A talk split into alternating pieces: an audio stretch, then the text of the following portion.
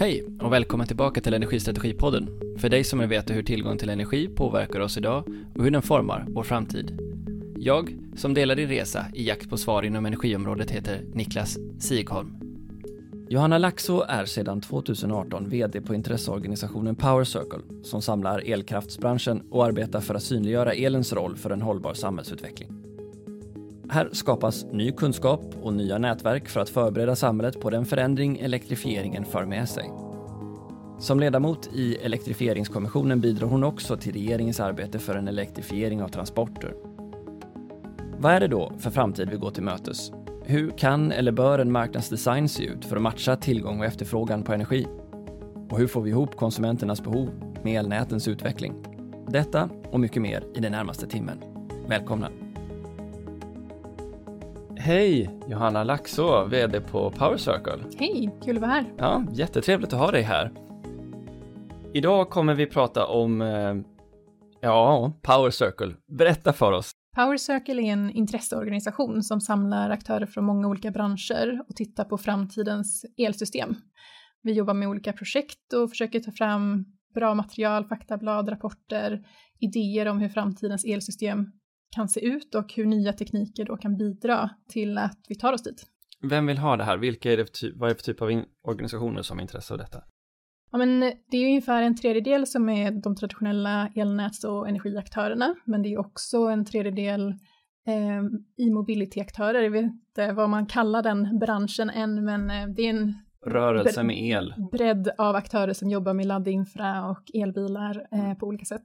Sen så är det också eh, teknikleverantörer, alltså som levererar komponenter till elnäten och elsystemen, eh, olika eh, produktionslag och eh, små startups som har nya idéer om hur man kan använda IT för att göra energisystemet smartare. Har ni ehm, eh, mål som ni drivs mot eller för? Eh, vi har en, en strategi att vi ska jobba inom vissa områden och då är det framförallt framtidens elnät. Det är också eh, kopplingen då mellan elektrifierade transporter och elsystemet och hur lokala energisystem kan bidra till eh, systemnytta. Det är de tre frågorna som vi försöker att borra djupare i. Hur länge har du suttit som vd för Powercircle nu? Lite drygt två år, jag började precis i början av 2019. Och under dina två år här, vad har du märkt att ni har kunnat bidra med för typ av nytta till samhället genom den kunskapen ni har ackumulerat? Jo, men vi har eh, jobbat ganska mycket med att koppla ihop olika delar av systemet och kolla lite på system, liksom helhetsperspektivet, systemnyttan. Hur kan både liksom fastighetssidan eh, men även eh, då bilbranschen och transportsystemet kopplas ihop med elnätet och hur får vi liksom allt det att hänga ihop? Och så har vi försökt ta fram då faktablad bland annat om hur påverkar eh, vehicle to grid, vad finns det för möjlighet att ha stödtjänster för nya tekniker? Ja, många olika spännande saker där det känns som att det finns mycket kunskap men kanske inte alla får ta del av den, så försöker kommunicera ut det. Vem är du då, Johanna? Var, var kommer du ifrån och vad är din bakgrund? Jag är ju eh, teknisk fysiker, läst energisystem som master och började direkt jobba på eh, Svenska kraftnät som trainee. Väldigt bra ingång känner jag i elsystemet, att få liksom jobba lite i hjärtat av eh, elsystemet och förstå hur många saker hänger ihop. Och sen tog jag mig vidare till Energimyndigheten, där jag jobbade också ganska brett med hur framtidens elsystem eh, kan komma att se ut, framförallt när vi får in mycket vind och sol och variabel elproduktion i systemet. Sen har jag även hunnit med en liten sväng på Naturskyddsföreningen men jag har ju också vid sidan av drivit ganska mycket ideella projekt, eh, startat en organisation för eh, klimat och hållbarhet för unga till exempel. Eh, så det har varit, ja men jag drivs ju väldigt mycket av att vi ska klara av den här omställningen helt enkelt. Vad hoppas du att du får vara med och påverka? Ja, alltså jag hoppas ju verkligen att vi löser den här utmaningen som vi står inför, att vi måste halvera utsläppen till 2030 och jag menar 2030 är ju inom min livstid. Så att jag tänker att vi får ju veta lite svart på vitt. Och det jag vill bidra med är ju att visa att det finns mycket saker vi kan göra, speciellt om vi samarbetar, hittar lösningar för att verkligen åstadkomma det. Och jag tror inte att, eh, att vi behöver ge upp redan. Vad är din uppfattning, eftersom du nu har en, eh, startat en ideell förening för hållbarhet mot unga, vad är din uppfattning att uh, ungas position är i de här Eh, i det här området idag? Alltså unga står ju, det är ju ganska spännande om man tittar på statistiken. Egentligen så är ju liksom de som är under 30 är ju liksom ungefär hälften av jordens befolkning, men har det ganska lite att säga till om. Det är de som kommer leva på den här planeten i framtiden. Så att eh, många tycker att det går för långsamt, att vi inte gör tillräckligt. Eh, många som sitter på beslutsfattande positioner kommer ju inte leva in i många av de här scenarierna som kan eh, komma att utspelas. Så vi jobbade ju ganska mycket med att få in en ung person i vår delegation till FNs toppmöten och att få unga med och, och känna att, att man påverkar att det händer saker och ha en dialog med beslutsfattare. Jag tror att de unga vill att vi tar större steg och vågar vara lite mer modiga. Men nu ska vi inte prata om det, men det är ett intressant spår när vi pratar ändå med många beslutsfattare i den här podden, att man knyter an då till, för jag har också sett i statistiken att det är många unga, unga som lider av eh, ångest mm. kopplat till klimatomställningen. Har, har du sett och märkt det också? Verkligen. Eh, och den statistiken eh, var ju ganska aktuell då, speciellt när jag var, och då försökte vi alltid lyfta mot unga att genom att engagera sig så dämpar man i alla fall lite sin ångest för man känner att man gör någonting för att försöka påverka, medan om man är passiv så blir ju den här ångesten mer överväldigande. Och vad ska vi som vuxna ta till oss av det? Men kanske att, eh, att man behöver prata om de här sakerna med de unga och lyssna kanske lite på, på deras perspektiv och våga vara modiga. Jag tror att eh, Greta har gjort jättemycket för att lyfta kunskapsnivån kring klimatfrågorna. Men hon är ju inte den som ska komma med lösningarna, det är ju vi som ska göra. Det här med elektrifieringen av samhället och elektriska bilar har ju verkligen tagit fart nu de här senaste två åren du har suttit på Power Circle. Berätta lite grann, var, var står vi idag och vad är de stora utmaningarna? Ja, men när det kommer till elektrifierade transporter så har det ju verkligen, vi hade en ökning på 82 procent eh, under förra året, men vår prognos som vi har till 2030 är att vi kommer nå eh, 2,5 miljoner bilar då, eller fordon. Och eh, det är ju en väldigt snabb ökning och dels så behöver vi ju laddinfrastruktur för att möta detta. Vi tog precis fram en ny prognos eh, baserad på en metod som man tagit fram inom EU där vi säger att vi behöver 90 000 ladd, som publika laddpunkter 2030 då för att möta det här behovet. Men det som vi ser som är den största utmaningen är ju att om vi bara låter alla köpa bilar, ladda precis när de vill, så kommer hela elsystemet att eh, ta väldigt stort stryk för vi kommer få väldigt höga effekttoppar vissa timmar. Så det vi trycker på nu är att vi när vi fortfarande är i en tidig fas måste se till att den laddinfrastruktur och de system vi bygger upp kring detta är smarta och kan styra laddningen till andra timmar. Just det, jag har sett att ni har, eh, ni har eh, klassificerat eh, vad smart laddning är till exempel. Kan du berätta lite om det? Mm. Nej, men vi kände att det var väldigt mycket olika saker man pratade om när man nämnde smart laddning. Och de här fyra olika nivåerna då, då börjar man från en, en ganska användarcentrerad eh, roll liksom på steg ett, där man tittar då på hur kan man ha smarta lösningar för Eh, elbilsägaren till exempel. Hur, hur får man till att det anpassas efter mina behov, jag kan boka laddning på olika sätt kanske. Sen nästa steg, då tittar man på fastigheten, okej, okay, elbilen kanske inte behöver ladda precis när vi kör bastun. Hur kan vi liksom så här effektoptimera inom fastigheten eller inom vår verksamhet? Kanske vilka körsträckor, körturer har vi i vår verksamhet? Och hur kan vi optimera det? Och sen på tredje nivån, då tar man och tittar ut på elsystemet då, den här nivån som vi tror verkligen behövs eh, för att vi ska klara en snabb omställning. Att man kan ta in då, vad är elpriset? Vilka tariffer finns? Hur belastat är el elnätet just nu? Mm, behöver vi ladda nu eller kan vi ladda lite senare? Och sen sista nivån då, nummer fyra, den handlar om att man också säljer tjänster. Så förutom att man optimerar för användaren, verksamheten och elsystemets behov så kan man också sälja tjänster från bilen till systemet, till exempel balansreglering och det som kommer som heter vehicle to grid, att man då kanske till och med matar ut el från bilen till nätet tillbaka. Så det är på nivå tre då som det här laddningen verkligen börjar integreras med energimarknaden. Och nivå 4, då kan man köpa och sälja på den också. Mm, precis. Sen så blir det ju såklart en effekt även på nivå 2 om man liksom optimerar det liksom inom sin säkring, att man kanske säkrar ner. Så blir det ju en viss, att man kapar toppar i alla fall på nivå 2. Mm. Men det är ju först på nivå 3 som elsystemet verkligen kan uttrycka sina behov och kanske då samspela med laddningen på ett bättre sätt. Men om jag köper en elbil idag och får eh, en, någon leverantörs laddbox som medföljer i priset, vad får jag då? Ja, det kan ju vara ganska olika, men det är väldigt många kan ju göra de här sakerna med smart styrning. Det beror lite på vilken prisklass såklart. Om du köper det allra billigaste så är det inte säkert att den gör det. Men eh, alla partner vi har erbjuder på något sätt smart laddning. Och frågan då är ju egentligen vilka signaler finns det som du kan styra mot? Det som vi ser saknas nu är ju till exempel att många har ett, eh, en elnätstariff som är helt platt. Det är liksom samma pris alla timmar. Som kund vet du inte riktigt är det bra att ladda den här timmen? Är det inte bra att ladda den här timmen? Så man skulle, ett första steg är ju liksom att nätbolagen faktiskt börjar analysera lite hur ser det ut i vårt system? Kan vi justera vår tariff?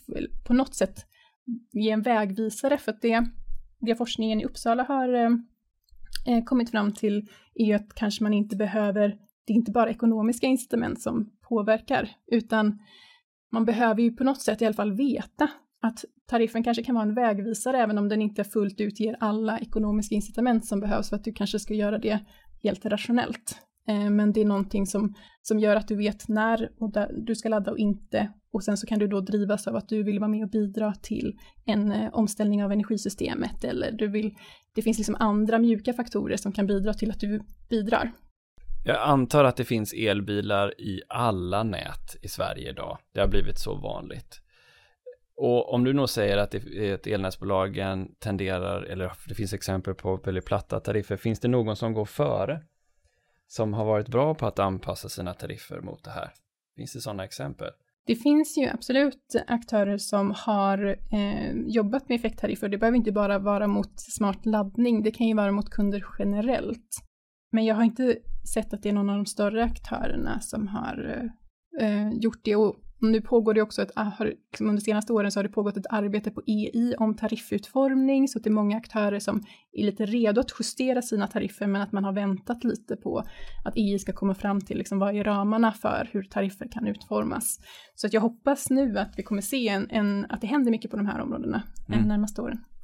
Ja, för det här med att förändra priser på, hos energibolag, det är ju någonting som normalt sett tar tid eh, för att det är komplexa frågor och det är viktiga frågor som det påverkar intäktsströmmarna. Men om jag vänder på frågan, hur lång tid får det ta i din mening innan, innan det finns en styrmekanism som gör det ens eh, vettigt att styra laddningen av sin bil eller sitt hushåll eller sin fastighet?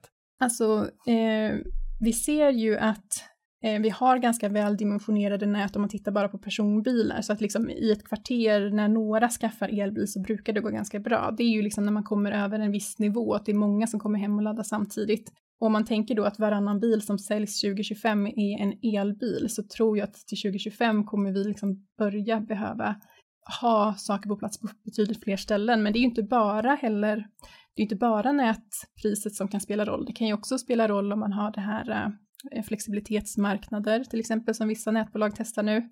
Där kan man ju också få in styrningen och den här flexibiliteten på vissa sätt. Eller att eh, skatten kan vara liksom, differentierad. Det kan ju vara andra saker än just nättariffen som är differentierad för att påverka. Jag kom över en rapport från SNS som släpptes i höstas som heter Är hushållen att räkna med? Och den pekade ju på att, att eh, hushållen har ändå krav på ekonomisk kompensation för att vilja agera flexibelt på marknaden. Och där räknar man upp exempel att till och med förskjutningar idag på fem timmar kan leda till ganska små kostnadsbesparingar och att hushållen därmed tappar helt incitamenten att vilja vara flexibla på marknaden. Jag antar att det där ställer till problem. Det beror ju också lite på hur, vad man då ställer, hur man frågar kunderna. För att frågar du, kan du tänka dig att liksom, tvätta en annan tid eller laga mat en annan tid? Vad är det jag som i mitt beteende behöver förändra mig och vara flexibel? Eller är det min värmepump som jag inte liksom bryr mig om vilken timme den går, som automatiskt kommer köra olika timmar? Eh, så får man ganska olika svar. Så att tittar man mer på den här automatiska styrningen som jag tror den som kommer bli dominerande, så eh, finns det liksom en, en min, alltså man behöver inte ha lika höga priser då för att vara villig att bidra på det sättet. Och där tror jag också hur man kommunicerar då till kunderna vad man säljer in spelar roll så att liksom man får ett helt, liksom ett helt paket kring eh, hur jag bidrar, vad du får för nyttor. Så även om det inte handlar om så många hundralappar eller tusenlappar per år så, eh, så finns det nog många som kan tänka sig bidra på samma sätt som man källsorterar eller gör andra saker för miljön. Och lyckas vi få in mer av laddningen på de här riktiga frekvensmarknaden eller flexibilitetsmarknaden, då börjar det finnas lite mer pengar att tjäna än om man bara tittar på hur elpriset varierar. Men får vi då både elpriset varierar, skatten varierar, tariffen varierar, då får du direkt mer incitament än vad du har idag. Men första steget är alltså att jag som hushållsägare eller fastighetsägare på, eller bilägare för den delen helst inte ska behöva märka av att jag agerar smart utan det, det ska systematiken eller tekniken lösa åt mig. Mm. Det är mitt drömscenario i alla fall. Just det. Då om vi backar bandet bara lite grann så, så är ju frågan då om vi nu har eh, 50% av elbilförsäljningen, vilket år var det du sa 2025. det? 2025. Och sen till 2030. Så är varannan bil en elbil. Ja. Mm. Då, vad pratar vi om för energivolymer då? Som vi tror att de här bilarna kan omfamna? Vi gjorde en liten beräkning nu när vi släppte det här faktabladet om smart laddning. Där vi tittar då på vad är det värsta som skulle kunna hända 2030. Om vi har då 2,5 miljoner elbilar, vi räknar också med att en del av liksom lastbilar eller tunga transporter elektrifieras eh, enligt de prognoser som Trafikverket har. Då, om alla av någon osannolik händelse skulle välja att ladda precis samtidigt, så räknade vi ihop att det skulle kunna få en effekt på 20 gigawatt, eh, vilket då kan jämföras med våra topplasttimmar som är någonstans kring 25 eller 27 gigawatt. Så att bara att alla laddar samtidigt skulle då kunna dubblera vår energianvändning momentant. Och det vill, där vill vi absolut inte hem, hem, liksom hamna. Det är ju det här vi ser som är den stora risken när vi går mot elektrifierade transporter, att vi får väldigt höga toppar. Samtidigt som vi vet att bara vi sprider ut den där lite i tiden så kan vi klara oss på betydligt mindre elnät och produktionsresurser. Så att det finns så mycket att vinna i den här omställningen. Samtidigt som man baxnar inför då att det är nio år bort vi pratar om. Eh, mm. Det är ju en, en, del av en normal strategiplanering. Vad kan det också då leda till för typ av fördelar för energisystemet om vi lyckas nu med att få en, en smart laddning och en styrning mot mekanismerna på elprismarknaden? Nej men precis, alltså det man ser då, speciellt om man kopplar in det här vehicle to grid, är ju att vi faktiskt skulle kunna minska effekttopparna på totalen i vårt system genom att använda då bilarna eh, på smartaste sätt. Till exempel finns det forskning från Chalmers som pekar på det här. Så att vi är ju också lite oroade. Det finns ju många studier som har kommit de senaste åren som tittar på det. okej, okay, nu kommer vi öka elanvändningen så här mycket, vi kommer öka effekttopparna proportionellt. Och det är inte säkert att det blir så, för att om mycket av den här tillkommande elanvändningen är smart och kan styras smart, så kan vi kanske bidra till att faktiskt egentligen minska topparna. Sen kommer vi säkert, om vi, speciellt om vi går mot 3, 4, 500 terawattimmar, så är det klart att även effekten kommer att öka markant. Men då behöver vi också ett betydligt större elsystem mm. generellt. Mm. Ja, då, då för du ju över mig på den frågan då, eftersom ni gick ut i en debattartikel här eh, eh om just 500 terawattimmar. Eh, nu förstod jag då, bland annat i en diskussion med Daniel Badman, att det är, en, det är ett visionärt uttalande, absolut. Men vad, är ditt, vad, liksom, vad var din ambition med att visualisera i med den artikeln? Nej, men det handlar ju om att lyfta blicken, titta framåt, vad skulle kunna hända? För det som är nu är ju att många av de scenarier vi ser är ganska lika, lika liksom likriktade och Får vi då en planering från samhällshåll liksom kring hur mycket nät, hur mycket laddinfrastruktur, om, om vi liksom då, det kan ju få en backlash att prognoserna nästan faller in för att vi har just de prognoserna. Eh, att man planerar utifrån dem och sen så när vi då vill, vill ha fler elbilar än vad man har tänkt från tra Trafikverket till exempel, så finns liksom inte laddinfrastrukturen på plats. Och då gör det att vi inte kan gå fortare framåt. Så man måste ju liksom spänna ut utfallsrummet och titta på vad kan hända i olika scenarier. Och det här scenariot med 500 terawattimmar tar ju liksom då hänsyn till att all fossil eh, råvara och energi vi använder skulle vara eh, elektrifierad, så även liksom till plaster och till allt så använder vi mycket mer el, plus att vi då exporterar el och gör olika bränslen som exporteras. Så det är verkligen ett scenario där vi slår på stora trumman och elektrifierar hela Sverige och satsar på det som en exportvara. Vad är alternativet? Alternativet är väl att eh, vi använder bioråvara mer till vissa av de här delarna, för att det är viktigt, att få fasa ut det fossila är ju, finns det ju inget alternativ till, men det är väl frågan, eh, hur ställer man sig då till kommer, är det vi som kommer att kunna göra de här elektrobränslena billigast eller? Men får jag bara fråga då, räknade ni i det här scenariot då med att även i, i flyg skulle vara på el eller räknade med, ni med de prognoserna som finns ändå för eh, bioinblandning i, i, i bränslen eller en utvidgning av, av biobränslemarknaden till att liksom, ta flyget exempelvis? Allt var elektrifierat, så även inhemskt flyg var elektrifierat. Ah, okay. Det och sjöfart och så, så liksom mm. allt mm. var el. Just det. Men säg så här då, 500 terawattimmar och vi pratade tidigare i podden om vilken typ av effekttillgång vi skulle behöva för den här efterfrågan behöver ju mötas av någon form av producent då. Hur, hur skulle det där gå ihop? Har ni tittat på det också? Nej, det har vi inte. Utan vi har liksom öppnat diskussionen. Vi hoppas att det under året framåt nu då kommer komma scenarier och modeller för vad skulle det här innebära då i praktiken, hur mycket mer nät och produktion. Men samtidigt så har vi, om man tittar bara på potentialerna som vi har för att producera el i Sverige, så är det ju eh, jag menar havsbaserad vind, landbaserad vind. Vi har ju eh, möjlighet, möjligheter att producera väldigt mycket el eh, inom landets gränser som, är, som, som täcker det behovet. Sen är ju frågan om det är liksom rationellt att bygga allt det här eller om det är andra länder som kommer göra det billigare. Om man tittar på fastigheter då, Ehm, där var bland annat Lina Yng från Energikontoret med och pratade om att hon trodde att eh, det fanns en 25% i potential i fastigheter att spara framöver. Ser ni samma typ av eh, ja, effektivisering i det området eller vad ser ni? Ja, men jag tror effektivisering kommer vara jätteviktigt, speciellt nu när vi går då mot att använda mer el. Liksom, ju mer vi kan kapa toppar, vara effektiva, desto mindre nät och produktion kommer vi ju att eh, behöva bygga. Och det är ju frågan, liksom, ska man spara eller ska man flexa? Eh, för vissa saker, till exempel om man får en BRF som installerar batterier, då kanske du kan kapa dina toppar med 30-50%, vilket då effektiviserar näten. Men det kanske inte gör så att du använder mindre energi inom din fastighet. Så jag tror att man behöver jobba på båda fronter såklart, men det, vi ser absolut att det finns stora potentialer att eh, effektivisera.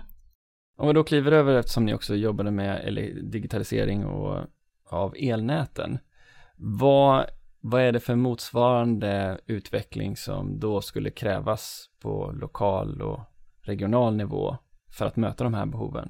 Ja, men det vi ser är ju att man kan använda näten också mer resurseffektivt och speciellt då om man digitaliserar. Idag har vi ju ett liksom elsystem som har historiskt har dimensionerats för den högsta toppen man har per år. Det är ju liksom som att vi skulle dimensionera våra vägar för att det aldrig ska bli kö på midsommar, att alla ska kunna köra liksom. Det betyder ju att alla andra timmar förutom den så finns det ju ganska mycket plats i näten. Och eh, frågan är ju då hur jag som kund eller fastighetsägare eller bilägare ska liksom förstå när är det bra att använda el. Men även så tror jag att det är många nätägare som inte har helt koll på det här idag, för att man har inte digitaliserat, man har inte mätning i nätstationerna på det sättet, så att det är ganska många av eh, systemen som är blinda för hur eh, ja, men man måste kanske åka ut, om det blir ett fel så måste man skicka ut någon som kollar. Man har liksom inte kopplingen direkt till driftcentralen och här kommer det ju många nu aktörer, både från den internationella marknaden och svenska aktörer som vill hjälpa nätägarna att liksom digitalisera och förstå mer, kunna ta bättre beslut i kontrollrummet. Och det tror jag är första steget, att liksom mäta och förstå. Sen kan ju nätplaneringen då börja tänka på, okej, okay, Behöver vi bygga nät?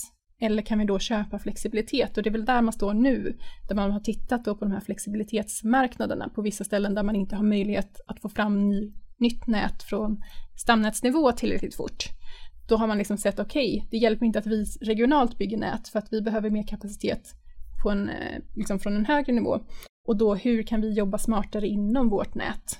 Så det, det tycker jag känns jättespännande. Och hur ser, som du ser det, utvecklingen ut hos elnätsföretagen? Eh, jag tror att det finns ett stort intresse, men man är ju ganska styrd av både nätregleringen, vad man får och inte får göra.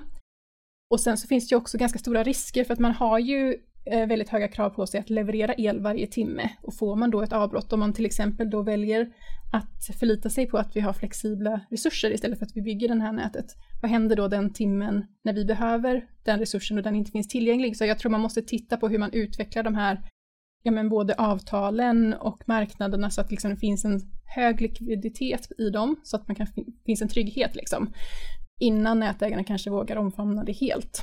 Det går ju lite grann emot hur regleringen tidigare varit uppbyggd ju, mot kapacitetshöjande hela tiden och det du pratar om är ju egentligen investeringar i, i transferering och digitalisering, någonting som inte alls har tryckts på lika mycket i elnätsregleringen. Precis, det är ju att köpa tjänster istället för att bygga egen, egna kapital eller egen kapitalbas eh, som ger, är det som ger avkastning idag. Så att det behövs ju såklart ett skifte då i hur man eh, ger nätbolagen möjlighet att tjäna pengar eh, om man vill styra åt det här hållet från statligt håll. Det här borde behöva leda till en kompetensförflyttning hos elnätsbolagen också, eller? Absolut, och kanske också en, en utveckling av liksom personer som kan både IT och eh, elkraft. Och där är det väl kanske ganska smalt just nu, men man kan väl hoppas att, att det utvecklas. Det är någonting som vi har sett i flera av våra studier, att nätbolagen frågar efter den typen av kompetens.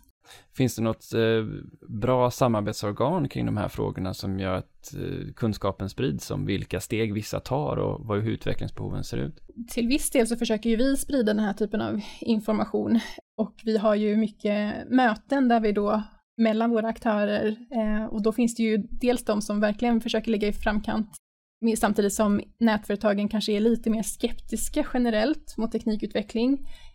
Och det är ju kanske sunt, för de, det är ju de som sitter på risken, det är de som ska liksom få allt att fungera. Så att jag tror att det är i de dialogerna mellan de som är lite skeptiska mot hur snabbt utvecklingen går och de som ser potentialen som vi verkligen kan hitta de bra lösningarna framåt. Mm. Ser du från en eh, reglerings eller från en politikers sida att man tar höjd från de här frågorna? Finns den här insikten hos politikerna i, i att föra över det till en framtida eh, styrmodell för elnäten som får det att funka? Det finns absolut, men det är mycket utmaningar kring den här nätregleringen. EI la ju fram ett förslag förra året som var ute på remiss nu precis, där man liksom tar ett litet myrsteg kanske åt det här hållet, men man försöker öppna för det här. Men det är ju inte eh, nära att vi är där än och nu ska man ju börja titta på nästa reglerperiod och man måste verkligen få in de här frågorna om man ska hinna göra någonting. Kan du förstå elnätsföretagens frustration över att man behöver göra investeringar i näten som man kanske inte kan sen få betalt för? Verkligen. Nej, eh, och man har ju inte heller direkt någon forskning och utvecklingsbudget som man till exempel ser att man har i, i Norge så får man ju använda en viss procent av sin intäktsreglering till FoU. Och i Sverige så hänvisas man då till att ansöka om forskningsmedel hela tiden på, hos Energimyndigheten till exempel. Och där ska man göra det i konkurrens med universitet som tar fram doktorander och det är inte alltid så lätt att kanske lyckas i de ansökningarna. Okej, okay, men du, ehm, du, var inne på det här med nya affärsmodeller och eh, det kommer ju nya eh, e EU-regleringar, bland annat i paketet Ren Energi, som pratar om både stödtjänster, flextjänster och också aggregatorstjänster. Ehm, och ni har varit inne en del på aggregatorsmarknaden. Kan du beskriva lite grann vad en aggregator är och hur ni ser att den marknaden kommer att utvecklas framöver? Mm. Att aggregera innebär ju då att man använder många små resurser och bygger ihop dem till ett bud då. Så till exempel när man tittar på balansmarknaderna så behöver man ju komma upp i en volym på 0,1 eller till 5 megawatt beroende på vilken, vilken marknad det är, eller vilken produkt det är man försöker sälja då.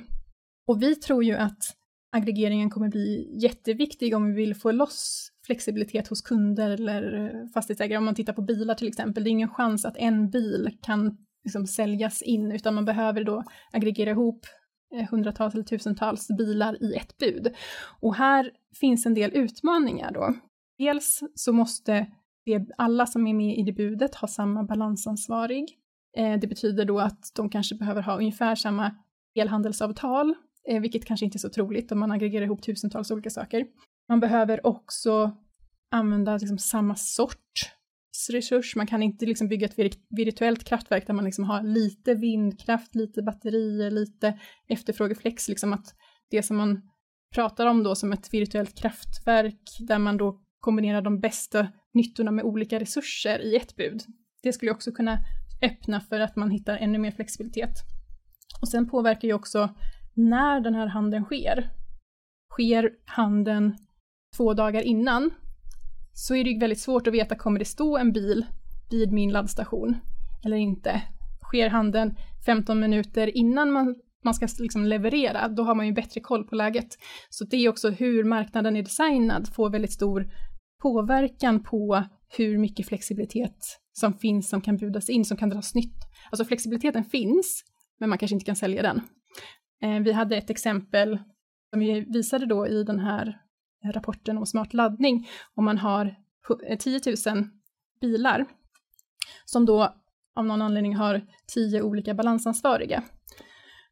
Då, kan, då behöver man ta ungefär 40 procents, för då blir det liksom 1000 bilar i varje bud, då behöver du kanske ha 40 procents marginal för att kunna garantera att jag kan faktiskt leverera det jag lovar. Hade du kunnat ha alla dem i samma bud så får du liksom den här effekten av att du har väldigt många resurser, sannolikheter, the scale of big numbers och man hade kanske bara behövt 10% marginal. Så att 30% kan gå förlorat genom att man har liksom en dålig marknadsdesign. Det eh, känns ju som någonting som vi verkligen borde kunna adressera och de här marknaderna är ju byggda för att det är vattenkraft produktion som ska liksom säljas på den, som är väldigt stora enheter. Om vi går nu mot en, ett system där vi har mycket mer eh, mindre resurser som kan bidra så måste vi titta över och se hur vi kan möjliggöra detta. Och vad skulle det vara för skillnad om jag äger en bil i Sverige eller om jag äger en bil i Norge exempelvis? Eh, är det samma sak där att ni tittar på hur det här skulle kunna ske över hela det är ju också så att buden måste vara i ett specifikt, samma elområde. Så att eh, det, om du är bara om du är i Stockholm eller Umeå så kommer du inte kunna ha eh, sam, vara i samma portfölj. Okej, okay. så jag behöver ha en produkt med ett avtal som då har en balansansvarig på ett ställe och helst känna till att den ska vara där två dagar innan den behövs som det ser ut idag. På vissa produkter och marknader, ja, ja. precis. Ja, det var inte så flexibelt. Nej, och det här finns ju jättemycket spännande man skulle kunna tänka sig att göra för att eh, kanske då möjliggöra den här lite högre konkurrensen. Det kanske också kan leda till att de här produkterna blir billigare i framtiden. Man har sett till exempel i eh, andra länder där det har kommit in mycket mer batterier, man har liksom kanske legat lite mer i framkant och möjliggjort det tidigare, att priserna då på vissa produkter går ner för att man får en högre konkurrens. När man tittar till Sverige på de studier som har försökt uppskatta hur systemtjänster kommer utvecklas framåt så är det nästan alltid bara att ju mer vind och sol vi får i systemet, desto dyrare kommer det bli. Så liksom, men det behöver ju inte, det beror ju på hur, hur vi möjliggör de här marknaderna framåt och, och vilka saker som kan få vara med och bidra. Ja, för Svenskt Näringsliv pekade i en rapport på att det skulle kunna innebära en 40 i öknad av systempriset om vi skulle gå mot 100% förnyelsebart. Men det låter som att du ifrågasätter det. Ja, ja, det kan ju hända såklart om vi liksom fortsätter ha ett system som ser ut som det gör idag. Men jag tänker att vi kan ju också möjliggöra, liksom, det finns ju ett, en väg framåt där liksom vi fortsätter ha ett ganska inflexibelt system, vi har marknadsdesign eh, som liksom inte möjliggör för så mycket konkurrens, eller vi går mot ett system där vi liksom ökar flexibiliteten och möjligheterna för resurser att delta. Eh, då tror jag att vi kan se helt andra priser. Och jag tror att det hade varit väldigt intressant att se en studie som liksom kanske tog tog de här olika metoderna och angreppssätten och liksom visade på en variation mer än att så här dyrt kommer det bli. Jag tror vi underskattar lite vad de nya teknikerna kan vara med och bidra med. Jag menar, vi använder ju inte reaktiv effekt eller tjänster från vindkraften heller. Vindkraften kommer ju vara en jättestor del av vårt framtida elsystem, så det är klart att även vindkraften kommer behöva vara med och frekvensreglera och bidra mycket mer till stabiliteten i systemet. Och det går ju att göra tekniskt. Förlåt, hur, hur skulle man kunna använda reaktiv effekt? Ja, men reaktiv effekt är ju någonting som gör att vi eh, håller spänningen i nätet, vilket gör att vi kan överföra mer el. Och eh, vindkraftsverk och vindkraftsparker har möjlighet att bidra med reaktiv effekt, men hittills så har man liksom sett att ja, men vi får ju reaktiv effekt från kärnkraften och andra resurser, vi har egna saker i nätet. Vi behöver inte ställa det kravet när de ansluter. Men tittar vi framåt då kanske vi behöver liksom antingen köpa eller ställa krav på att fler typer av produktion ska bidra.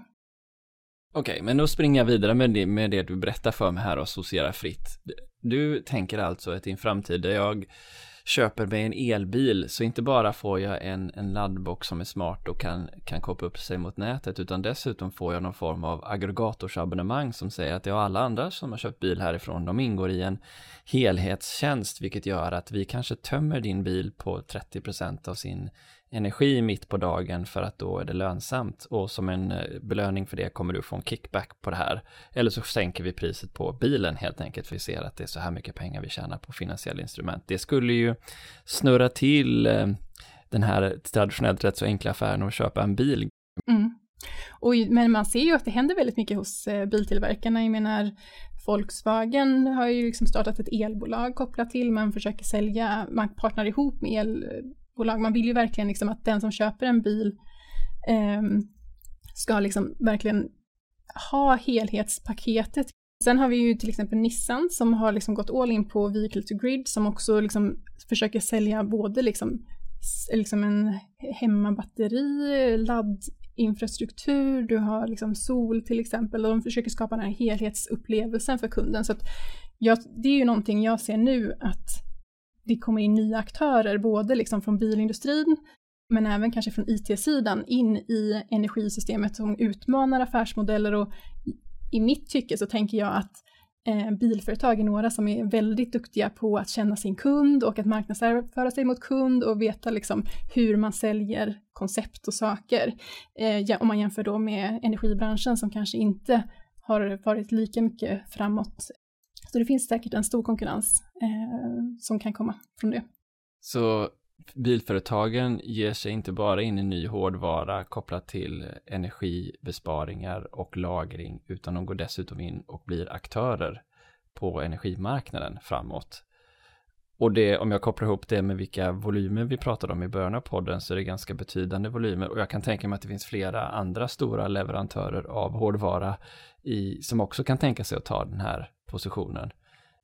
Det blir ju ungefär samma förflyttning som det här med att Apple och Google helt plötsligt går in och blir leverantörer av hela infrastrukturen i, i det vi möter i bilen. Ehm, och att det blir en, liksom en sammanblandning av branscher igen. Mm. Det här kräver ju en enorm strategisk förmåga hos företagen att kunna förutspå vad som kommer hända och vilken position man kommer kunna ta kontra vilka förmågor man har eller kan utveckla. Vad möter du i sådana här strategiska diskussioner med beslutsfattare som ska sitta och försöka förstå sin egen position i den här högst eh, annorlunda framtiden som det kan bli? Verkligen. Det är ju utmaning både liksom att det kommer in nya aktörer men också att det kommer väldigt mycket regelverk från EU liksom som förändrar spelplanen på, på många sätt. Men det jag tror är liksom en nyckel här som jag tycker ändå att energibranschen är ganska duktiga på är liksom att hitta strategiska partnerskap med nya aktörer, att inkludera dem istället för att liksom se dem helt som en konkurrens se att de har någonting att tillföra i det här systemet som vi bygger framåt och hur kan vi då hitta partnerskap med dem så att vi gör det här ännu bättre. Jag tror det, är så, det kommer vara viktigt för att hålla positioner framåt. Hur ser ni tillgången till finansiering för alla de investeringar som behövs? Uppenbarligen har det ju funnits pengar för att investera i den vindkraftstillbyggnad vi har sett och uppenbarligen finns 25 miljarder enligt eh, Harald Mix att hitta för en helt ny stålproduktion uppe i Boden. Eh, är det så att tillgången till kapital i investeringar i allt från laddstolpar till, till nya digitala tjänster är stor? Det här är inte mitt expertisområde, men den uppfattning jag har fått från de finansiella marknaderna är ju att man letar väldigt mycket efter hållbara saker att investera i, att det ibland nästan är svårt att investera pengar som liksom inte går till fossila eh, ändamål på något sätt. Och jag tror att eh, det handlar ju om det är klart att man kan liksom skapa förutsättningar från staten med så gröna obligationer och olika sätt eh, för att finansiera, men, men om man tittar, jag menar vi har ju aldrig varit rikare i världen idag och vi står inför en väldigt stor utmaning kring klimatet som potentiellt kan kosta väldigt mycket pengar. Det är klart att det borde finnas intresse i att investera eh, för framtiden och i saker som kan växa potentiellt bli väldigt stora. Ja, okej. Okay. Men design av marknaden då. Eh, jag tror det framgår här att det är skatter, det är regleringar, det är incitament, det är teknikutveckling som alla ska samvariera här. Jag vill då tro att det krävs en väldigt klar tydlighet från politiken för att skapa de här förutsättningarna på så här kort tid att göra en redesign av marknaden. Ge oss ditt perspektiv. Hur ser det, den potentialen ut och vilka är de stora liksom, frågorna framåt? Nej, men jag tror att det är, som du nämner är väldigt viktigt att man kanske, du vet ju att det liksom det var ju några partier som drog sig ur energiöverenskommelsen, men att om man kan liksom bygga vidare på att komma vidare politiskt, så att man får liksom någon typ av vision framåt kring elnäten och eh, energimarknaderna. Det finns ju väldigt mycket där nya frågor som dykt upp sen man gjorde det här arbetet 2016 som man verkligen skulle kunna diskutera och, och försöka måla upp den här visionen framåt, vart är vi på väg? Sen finns det massa små saker i regleringar som liksom framförallt är utformade för hur systemet såg ut, där man liksom behöver då titta på hur får vi in de här nya, nya sakerna.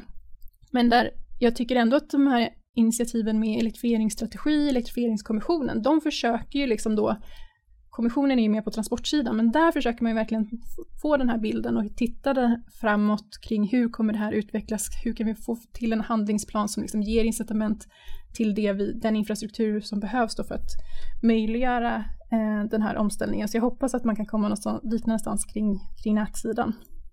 Vad är det största politiska hotet då, som du ser det? Ehm, för att eh, vi ska kunna ha en sån här utveckling. Säg att den tekniska utvecklingen löper på, men vi får inte politiken och regleringarna med oss. Vad är det som, vad är det som, vilka hot är det som finns där? Bra fråga. Alltså det känns ju ibland som att den politiska debatten fastnar i vissa frågor. Eh, kärnkraftsfrågan är ju en sån som liksom man alltid, och sen så kommer man liksom inte vidare inom alla de här andra frågorna som är så himla viktiga. Jag tänker att att det som är liksom den stora risken är ju del, för politiken är ju del som vi får väldigt variabla elpriser som blir väldigt höga vissa, alltså det är ju någonting som politiken tar stryk av då. Och får vi ett mer flexibelt system så kommer ju priserna vara eh, jämnare framåt. Men också om det skulle bli att vi får ett stort avbrott i elförsörjningen. Vi, kommer ju, vi går ju mot ett samhälle som är mer och mer beroende av el och digitalisering, att all, allting bygger på att elen finns där alla timmar. Och då, om vi skulle liksom hamna i en situation där vi då egentligen politiskt har försökt trycka oss i en riktning med mer variabel elproduktion samtidigt som då nätet och systemet inte alls försöker förbereda sig för att klara av att ta hand om det här. Vi hamnar i en, i en situation där eh, det inte funkar, kanske på många timmar, många dagar.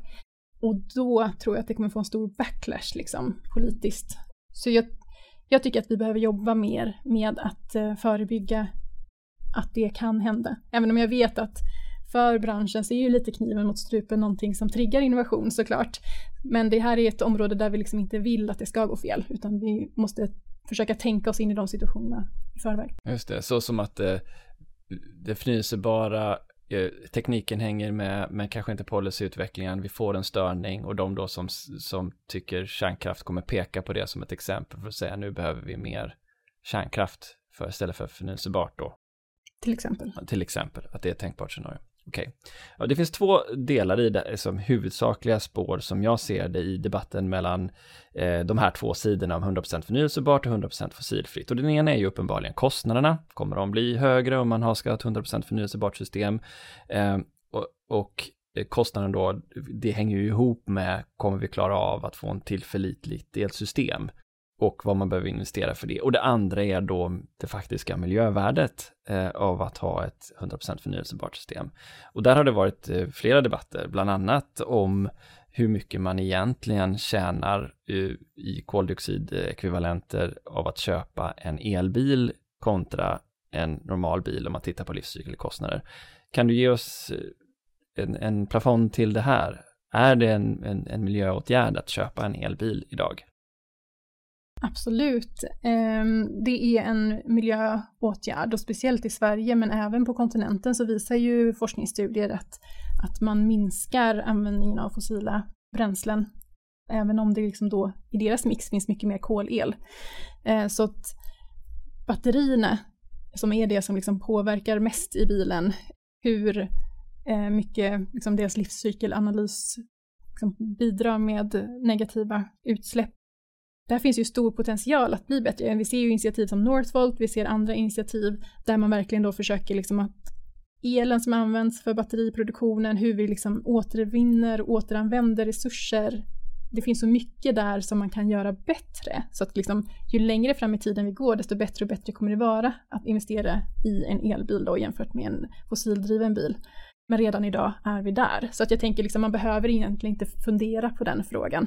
Och hur mycket är energieffektiviseringen om man jämför hur mycket energi som går åt att, att eh, driva de fossila bilarna till att driva el, alltså hur, hur mycket kommer energieffektiviseringen bli om vi går över mot en elektrifierad bilflotta?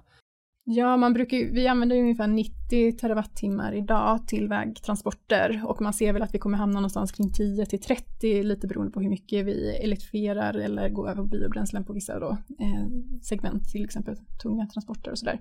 Så att det är ju en kraftig effektivisering i energianvändning eh, om vi elektrifierar.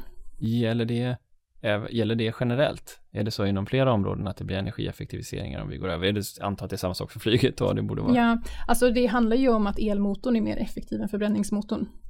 Eh, så det är klart att man får den effekten på flera områden.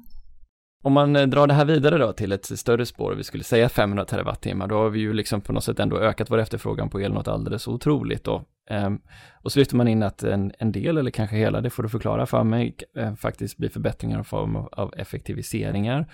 Men blir samhället mer hållbart om vi fortsätter att öka vår konsumtion? Hur, hur ser ni på det? Jag tror inte Power Circle har någon speciell eh, syn på det, men, men jag har ju ser ju absolut en risk i att vi kommer gå in i ett system. Nu är vi ju liksom i en övergångsperiod här. Det är klart att det kommer vara svårt att gå från det system vi har idag till det här systemet där vi har väldigt mycket sol och vind som är, finns i nästan överflöd, speciellt sol då.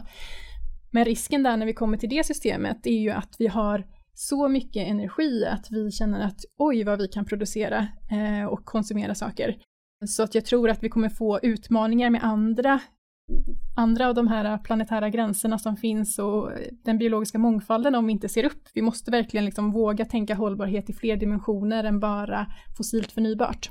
Risken är väl att om vi har en, en, en, stor tillgång på en väldigt billig produkt, att vi kommer få en massa positiva följder av det som ökad produktion i Sverige och kanske kortare leveranskedjor, men ändå att det kommer ge tillgång till eh, att faktiskt slösa en del. Det finns ju absolut den risken, så jag tänker att man måste väl kombinera då med andra styrmedel och sen göra avvägningar av vad som är effektivt. Vi pratade till exempel om det här med power to gas to power som är någonting som är ganska ineffektivt för att när du väl då har gjort vätgas till exempel och så ska du göra den tillbaka så får du ganska stora förluster. Men är liksom priserna väldigt låga och du får en hög eh, avkastning på den elen som du då producerar tillbaka vissa timmar, då är det klart att det blir lönsamt och intressant. Och frågan är då, tycker vi att det Tycker vi att det är oetiskt att slösa så mycket? Eller är det en bra lösning? Och där har inte jag ett svar, men det kommer finna, uppstå många sådana såna situationer där vi kan använda då ett överflöd av el till att göra olika saker och frågan är var går gränsen för när vi liksom använder resurser på ett ohållbart sätt? Även om det är tekniken som läser mycket av beteendet, men vad ser du för allmänna beteendeförändringar som vi behöver gå igenom för att nå ett mer hållbart samhälle? Vilka är de viktigaste frågorna där i hur vi beter oss idag och hur vi behöver bete oss i framtiden? Nej men det är ju eh, såklart att det kommer påverka oss och jag tror att man kommer kanske få en lite närmare relation till energi generellt. Man ser ju det att om någon skaffar elbil så blir man lite mer medveten om sin elkonsumtion. Man kanske skaffar också solceller för att man ser att då kan jag ju bidra med egen el till min bil. Men också det här med energigemenskaper som kommer från EU. Vi kanske samverkar mer lokalt byter el med varandra. Men sen är ju frågan också, det blir ju nya beteenden, istället för att vi åker och tankar vår bil, så antingen så tankar vi ju hemma eller så om vi åker någonstans och det ska stå en lite längre tid, då kanske liksom den här elmacken, den kanske har bibliotek, lekpark, alltså man kanske, det kanske är mer en upplevelse kopplad till att du eh, laddar. Det tycker jag verkar vara en, en, en härlig spaning kopplingen bara till det här med självkörande bilar, att vi inte kommer behöva transportmedel på samma sätt. Har ni också vägt in det i några av era analyser? Vi har inte gjort någon egen analys, men det är någonting som vi har diskuterat en hel del på Power Circle, för att just när det kommer då till hur mycket flexibilitet kan bilarna bidra med till systemet, så finns det till exempel studier, internationella studier där man har sett då att flexibiliteten kommer öka fram till 2030, 20 kanske, ja, 2040 till och med kanske, öka långsammare mellan 30 och 40. Men sen efter 2040 så kommer liksom den flexibilitet som finns tillgänglig från bilarna minska för att allt fler blir självkörande, man kör många timmar. Den flexibilitet som vi ser idag bygger ju mycket på att eh, bilen står parkerad många timmar och det inte spelar någon roll då kanske exakt vilken timme du laddar bilen. Har du självkörande bilar som kör runt och kanske är vissa tider där de behöver ladda, de kanske behöver ladda fort. Då får man ju komplettera det med batteri på plats då om man vill få den laddningen flexibel. Men det är inte så att vi kommer ha noll flexibilitet från eh, transportsektorn, kanske bara att vi kommer pika den på någonstans på, under den här resan. Eh, för eh, jag tror ju ändå att det är någonting man vill gå mot. Det blir mycket mer resurseffektivt om vi kan dela på bilarna och ha, bara beställa dem i app. Det är också som el, eller bilägare själv så känner jag ju också att det tar ju bara mycket energi och pengar, det ska lagas, det ska besiktigas. Alltså, jag tänker att det är ganska skönt att inte ha en bil. Jag känner det nu i alla fall, jämfört med för tre år sedan jag inte hade det. Enligt mitt minne så var det ju många strategiska spaningar för tio år sedan som handlade om delningsekonomin när det gäller textilier, kläder, saker, återbruk. Det känns som att dina spaningar här nu kommer full hårt in i delningsekonomin under 2020-talet för energimarknaden då. Vi kommer dela mycket mer mellan varandra och varje person kan bli sin egen liksom, eh, del av energisystemet med sin egen liksom, konsumtion och produktion. Och... Mm. Det kanske också, jag tänker idag så tar vi ju steget kanske från att handla el per timme till att handla el per kvart det är vi på väg mot nu då. Men jag menar i framtiden, varför inte handla liksom närmre realtid? Det kanske inte ens behövs de här balansansvariga emellan. Du, du kanske har din egen AI hemma och du säger liksom Hej Google, eh, kan du starta bastun? Då kör hon igång och eh, eh, kollar hur mycket kapacitet kan vi köpa av grannarna, hur mycket el finns det tillgång till, kan vi köpa på, på spot eller liksom, finns det något lokalt? Och säger ja, om du väntar tio minuter så eh, blir det, finns det tillräckligt med kapacitet och du får ett mycket bättre pris. Går det bra? Mm. Ja, min tioåring kan starta ugnen med hjälp av Alexa hemma idag. Det är dit, där, dit har samhället kommit. Det är lite fräckt. Um, men okej. Okay. Alltså det här är ju så häftigt. Eh, innan vi, jag får se om jag klipper bort det här, men liksom jag vänder ändå har chansen att ha det här, så är det roligt att resonera om då, vad, vad blir liksom, vad blir av den planerbara kraften då? Eh, jag förstår ju att en bas kommer behövas och vattenkraften kommer finnas där för evigt som en form av grundlastproducent, men utöver det, om vi får de här ja men du sa 20 gigawatt och extremfallet visst va, men så lägger du på en, en, jag kan ju tänka mig en rad andra industriella aktörer som skulle vilja vara med på sådana flexmarknader. Eh, du skulle kunna lägga till solceller som kan vara en del av den här flexmarknaden, du kan lägga till eh, Eh, också laststyrning som kan vara del av den här flexmarknaden så borde du kunna få ganska stora volymer i systemet som utan att påverka industriell produktion eller människors väl och ve och värme faktiskt kan styra en stor del av systemet utan behov av det vi klassiskt kallar för planerbar produktion. Är, är det den bilden du också ser? Ja, alltså jag tror ju att det kommer finnas ett stort värde i att ha planerbar produktion eftersom du, kan styra då vilka timmar väljer du att producera. Men om din produktion bygger på att du ska producera alla timmar på året eller att du behöver väldigt många timmars produktion, då kommer det bli kämpigare att liksom ha den affären för att det kommer vara mycket annat som konkurrerar med din produktion vissa timmar. Speciellt om vi får väldigt mycket sol och vind i systemet så kommer det finnas många timmar där det är billigt. Och sen så ser vi också en utveckling kring energilager. Och du ser ju liksom batterierna i bilarna är ju ett, ett rullande energilager. Sen kanske det också kommer att satsas på att vi har mer batterier hemma. Man kanske ser nyttan av att jag kan säkra ner om jag liksom kapar toppar och använder ett batteri hemma. Men också har vi två bolag i Sverige som tittar på liksom hur vi kan använda gamla eh, liksom borrhål med liksom eh, cisterner under att liksom pumpa vatten upp och ner och få liksom lokala lite större energilager eh, tillgängliga. Så att allt det som gör då att man kan flytta då energi mellan olika timmar, frågan är hur mycket liksom, gör ju då att den här planerbara produktionen utmanas såklart. Jo, det måste ju vara en fallande skala från typ kärnkraften som tar längst tid på sig att starta till kraftvärmen, till gasturbiner, till vattenkraften som kan reglera ganska fort då. Och sen batterier ännu fortare. Och sen batterier, ja absolut fortast ja. Alltså det måste bli då inom den här logiken stämmer så måste det vara ju svårare ju längre tid ju mindre flexibel du är. För om du ska kunna behöva reglera på en timme så kan du ju knappast starta och stänga av en större turbin på den hastigheten. Nej, Nej det är klart att, att, att det blir eh, utmanande för, eh, för olika, samtidigt så om vi står inför det här att vi ska verkligen elektrifiera samhället så behöver vi mycket mer el. Så jag tror att de aktörer som finns nu har ju stora möjligheter att liksom få avsättning för de investeringarna de har gjort. För vi, kom, vi kommer ju behöva bygga, just nu så ser det ut som vi behöver bygga på marginalen, att vi behöver liksom tillföra el snarare än att substituera. Mm. Vad, vad tror du då, givet hur komplex den här frågan är och eh, hur många saker som behöver förflyttas samtidigt, både politiskt, regulatoriskt, tekniskt, beteendemässigt. Man kan ta två liksom, ståndpunkter till ett och ett halvt gradersmålet. Det ena är att ja, men det här går nog, vi har i alla fall de tekniska möjligheterna och andra sidan är oh, vi ska förflytta beteenden på en oerhört kort tid. Eh, var någonstans står du mellan de här? Alltså, jag tänker ju tekniskt så har vi ju eh, det vi behöver för att liksom lösa utmaningen redan idag om vi liksom bygger om. Men det är ju liksom så här, det är ju klart att det är en förändringsprocess i det. Och samtidigt så ser jag ju att vi har en innovationskraft i Sverige och i världen liksom, så att även om vi tror att vi har alla lösningar nu så är det ju inte så det kommer bli, för att på vägen så kommer vi hitta ännu bättre lösningar.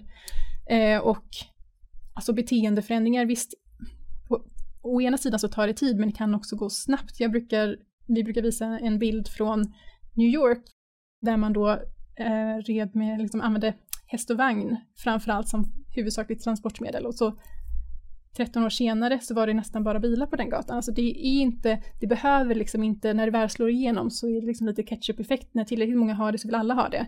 Och det är det vi kommer se med elbilar.